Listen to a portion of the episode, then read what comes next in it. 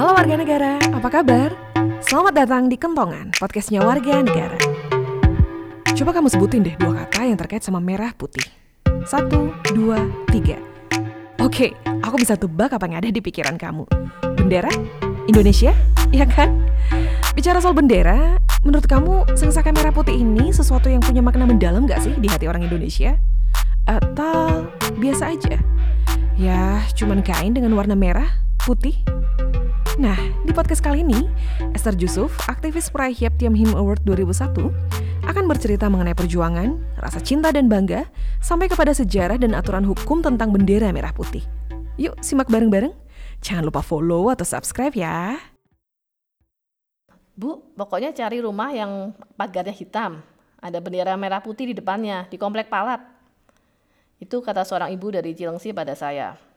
Suaranya di telepon itu terputus-putus, nggak jelas ya. Jadi setiap kali ditelepon dia hanya mengulangi kalimat yang sama. Pokoknya cari rumah pagarnya hitam bu, ada bendera merah putih di depannya di komplek Palat. Ya sudah, gitu. jadi berbekal informasi yang terbatas itu, kami kemudian cari uh, rumahnya ya. Kalau cuma mencari alamat Wisma Palat itu nggak sulit. Tapi mencari rumah dia nih yang pagarnya hitam, ada bendera merah putih di depannya, itu bukan perkara gampang. Waktu itu kan 17 Agustus ya. Jadi bendera merah putih itu berkibar di mana-mana di sepanjang jalan. Mulai dari Margonda, De, uh, Margonda Raya Depok ya, sampai ke Cilengsi, sampai ke Wisma Palat. Mungkin ada ribuan bendera besar dan kecil berkibar-kibar di sepanjang jalan tuh. Di jalan utama, di gang-gang kecil, di perkampungan. Jadi di antara ribuan bendera itu dengan alamat yang sangat terbatas, mesti mencari. Itu nggak gampang tuh apalagi waktu itu eh, panasnya bukan main ya panas terik. Jalan kecil debu di mana-mana. Banyak keriuhan. Kalau salah jalan kita mesti ini mesti parkir balik arah. Uh, keriuhan 17 Agustus ditambah suasana jalan yang susah. Itu berat juga itu mencari alamatnya. Tapi akhirnya sih rumah sang ibu itu berhasil kami temukan. Bukan di Wisma Palat ternyata. Jadi rumahnya itu 500 meter uh, di luar komplek Palat bendera merah putih itu bukan berkibar di depan uh, rumahnya, tapi di tengah kebunnya, di depan warung uh, warungnya yang kecil mungil di tengah kebun. Waktu itu saya nggak bisa marah saat waktu jumpa dengan dia. Ibu ini sangat gembira waktu berjumpa dengan kami. Jelas kelihatan bahwa nggak ada niat dia untuk membuat kami berputar-putar setengah mati mencari uh, ini ya mencari rumahnya jelas dia nggak berpikir bahwa kami itu eh, putar-putar keliling gang perkampungan di jalan-jalan kecil di Cilengsi untuk mencari alamat berdasarkan penjelasan dia. Memang kemampuan komunikasinya ini terbatas. Ibu ini nggak lulus SD. Seingat saya dia cuma uh, kelas 2 SD ya. Nah, dia nggak lanjut, dia kemudian dinikahkan oleh keluarganya. Saya ingat waktu itu bagaimana dia itu susah payah menulis namanya uh, di formulir yang saya ajukan. Jadi dia tidak tahu itu alamat dia itu sebetulnya ada di mana, alamat tempat tinggal yang uh, dia sebut tadi itu yang ada bendera merah putih, pagar hitam dan Wisma Palat itu dia nggak tahu. Dia tanya orang ini RT berapa ya, ini RW berapa ya, kelurahan apa, nama jalannya apa.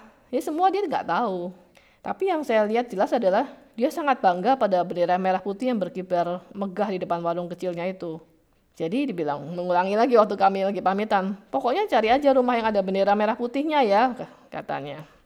Ya saya jadi ingat wajah-wajah riang anak-anak kecil, remaja, pemuda, orang-orang tua yang di sepanjang jalan di perkampungan yang yang kami lalui. Teriakan mereka riuh rendah itu nyorakin peserta lomba panjat pinang. Lalu saya lihat bocah-bocah itu berlarian kian kemari di sekitar lomba makan kerupuk, lomba balap karung. Wah rame banget. Di situ ada juga banyak ibu-ibu. Biasanya ibu-ibu ini kelihatannya itu lagi seperti ngatur makanan ya untuk para peserta ya. Ada juga yang ngurus anak kecil yang masih balita ya, digendong di itu pakai uh, selendang. Nah, saya nggak tahu persis bagaimana tiap orang memaknai bendera merah putih. Tapi yang terlihat nyata, semua gembira. Semua menerima dan ada kebanggaan mengibarkan bendera merah putih. Uh, saya kerap diskusi juga, diskusi serius ya dengan sejumlah politisi ada kata yang saya sering dengar dari para politisi ini. Saya merah putih. Biasanya ini dengan nada bangga sambil menepuk dada mereka. Ada juga yang berbisik ke saya, saya merah putih. Pernah saya bicara dengan uh, Opung J. Purba, seorang veteran ya. Beliau ini uh, Opung dari putra-putra saya. Beliau tak banyak berkisah tentang perjuangannya di masa perang kemerdekaan. Uh, saya lihat kakinya cacat. Ini karena tertembak musuh. Kakinya tidak bisa pulih. Ini kenapa? Ini terlalu lama dibiarkan tanpa pengobatan ya, karena saat itu kan memang uh, dia gerilya di tengah hutan. Uh, waktu saya minta bercerita tentang masa lalunya, waktu berjuang untuk memerdekakan Indonesia, beliau cuma berujar begini. Pokoknya kita maju terus. Yang penting merah putih berkibar. Ada nada bangga, ada semangat pada saat dia mengatakan itu. Merah putih itu jadi kebanggaan bagi banyak orang. Ya bukan hanya bendera yang dibuat warna merah putih. Ini taplak meja, sampul buku, eh, cat warna dinding, semua merah putih. Warna merah putih ini eh, jadi jiwa banyak orang. Eh, sahabat saya, Jenderal Purnawirawan Teddy Yusuf, ini bahkan ingin menghias makam para korban tragedi kemanusiaan Mei 98 ini dengan bunga yang warnanya merah putih. Kita bangsa Indonesia, hati kita merah putih tegasnya saya membaca kisah Ibu Fatmawati tentang bendera merah putih. Waktu itu Oktober uh, 1944, ada seorang perwira Jepang datang, namanya Kairul Basri. Dia membawa kain dua blok. Satu blok warnanya merah, satu blok lagi warnanya putih. Kain itu asalnya dari Hitoshi Shimizu ya, kepala Sendenbu. Itu departemen pro, uh, propaganda Jepang. Nah, kain itu uh, ternyata berasal dari uh, gudang Jepang. Itu di daerah Pintu Air, Jakarta Pusat. Posisinya itu di depan uh, bekas bioskop Capitol. Ibu Fatmawati uh, menjahit kain itu jadi sebuah bendera, sang saka merah putih. Ya. Bendera yang pertama kali dikibarkan yang menandai bangkitnya kedaulatan baru uh, bangsa Indonesia. Sekarang kita lihat tentang aturan ya terkait dengan bendera negara kita. Aturan tentang bendera negara Indonesia diatur dalam Undang-Undang Dasar 45 itu pasal 36C. Selain itu ada pengaturan tentang ukuran bendera, penggunaannya, penempatan bendera, juga aturan pidana pada pihak yang menghina bendera negara. Ini ada di Undang-Undang Nomor 24 Tahun 2009 tentang bendera, eh, bahasa, dan lambang negara serta lagu kebangsaan. Nah, undang-undang itu mengatur bahwa tiap orang dilarang merusak, merobek, menginjak-injak, membakar, atau melakukan perbuatan lain yang maksudnya menodai, menghina, atau merendahkan kehormatan eh, bendera negara kita. Aturan itu juga mengatakan bahwa orang dilarang memakai bendera negara untuk reklame atau iklan komersil. Dilarang menyebarkan bendera negara yang rusak, robek, luntur, kusut, atau kusam. Orang dilarang mencetak, menyulam, menulis huruf, angka, gambar, atau tanda lain, memasang lencana atau benda apa pun pada bendera negara. Juga uh, dilarang memakai bendera negara itu untuk langit-langit, untuk atap, untuk membungkus barang, tutup barang, uh, semua yang dapat menurunkan kehormatan bendera negara. Setiap orang yang merusak, merobek, menginjak-injak, membakar, atau melakukan perbuatan lain dengan maksud menodai, menghina, atau merendahkan kehormatan bendera negara, diancam dengan pidana penjara. Berapa lama? Paling lama itu lima tahun. Dendanya paling banyak itu 500 juta rupiah. Dipidana dengan pidana penjara uh, paling lama satu tahun atau denda paling banyak 100 juta rupiah Tiap orang yang dengan sengaja memakai bendera negara untuk reklame atau iklan komersil, dengan sengaja mengibarkan bendera negara yang rusak, robek, luntur, kusut, atau kusam, mencetak, menyulam, eh, menulis huruf, angka, gambar, atau tanda lain, dan memasang lencana atau benda apa pun pada bendera negara. Dan juga orang yang dengan sengaja memakai bendera negara untuk langit-langit, untuk atap, untuk membungkus barang, tutup barang, yang semuanya dapat merendahkan kehormatan bendera negara. Jadi aturannya jelas, sangat tegas. Kita harus menghormati bendera negara, jangan menghina, jangan merendahkan, dan melakukan tindakan-tindakan yang memang bisa merendahkan bendera ini. Ini sangat penting buat bangsa kita. Tapi aturan hukum ini uh, belum tersosialisasi untuk masyarakat luas. Sebagian besar masyarakat tampaknya hanya berhenti pada merasa bangga, merasa memiliki bendera merah putih. Banyak orang melanggar aturan ini mungkin tanpa paham bahwa mereka melanggar hukum antusiasnya mereka dan rasa bangga yang membuat mereka sangat suka pakai bendera merah putih. Tapi mereka tidak paham hukum. Bukan cuma aturan hukum ya, sepertinya banyak orang juga tidak paham sejarah bendera merah putih. Kalau menurut kitab data dari kitab para raton nih, bendera merah putih telah ribuan tahun berkibar di Nusantara. Tahun 1292, itu pasukan Jaya Katuang berperang melawan kerajaan Kertanegara, Singosari, merah putih telah berkibar. Bendera merah putih ini dikibarkan pada upacara-upacara kerajaan uh, Raja Hayam Wuruk ya tahun 1350, 1389.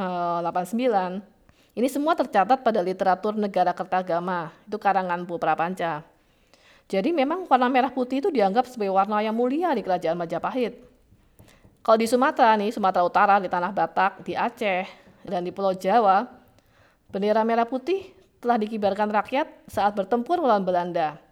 Jadi bendera merah putih secara resmi diperkenalkan sebagai bendera bangsa itu pada 28 Oktober tahun 1928. Itu saat Kongres Sumpah Pemuda ya. Eh, dan disahkan eh, pada sidang PPKI 18 Agustus tahun 45. Walau sebagian besar bangsa kita ini bangga dengan bendera merah putih, kita juga sering nih lihat bendera lain berkibar di Indonesia. Ada bendera OPM, bendera GAM, bendera Palestina, ada juga bendera yang mirip bendera Israel atau bendera-bendera lainnya. Ada aturan tentang hal ini. Itu peraturan pemerintah nomor 41 tahun 1958 tentang penggunaan bendera kebangsaan asing. Isinya antara lain begini, bahwa e, warga negara asing itu bisa menggunakan bendera kebangsaannya pada hari kebangsaan dan hari berkabung kebangsaan negaranya atau saat kepala negara, wakil kepala negara atau perdana menteri negaranya itu berkunjung di Indonesia di tempat-tempat yang didatangi. Jadi pengibarannya hanya di rumah, kantor dan halaman dan korps diplomatik. Nah, untuk warga negara Indonesia, warga negara Indonesia boleh mengibarkan bendera negara asing ini hanya atas anjuran atau izin kepala daerah. Misalnya, untuk pertemuan internasional. Nah, kepala daerah dapat melarang penggunaan bendera negara asing jika dapat menyebabkan gangguan ketertiban atau keamanan umum. Lalu bagaimana jika kepala daerah yang justru melanggar aturan ini?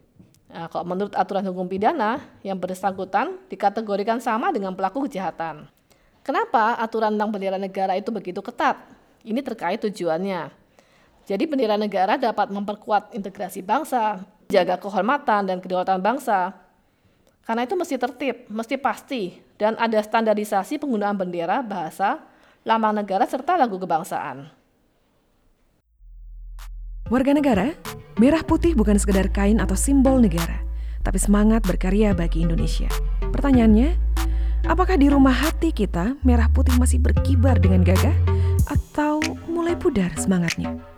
Nantikan podcast edisi selanjutnya. Tuliskan pandangan kamu di kolom komentar. Subscribe atau follow juga podcast kentongan ini ya. Sampai jumpa.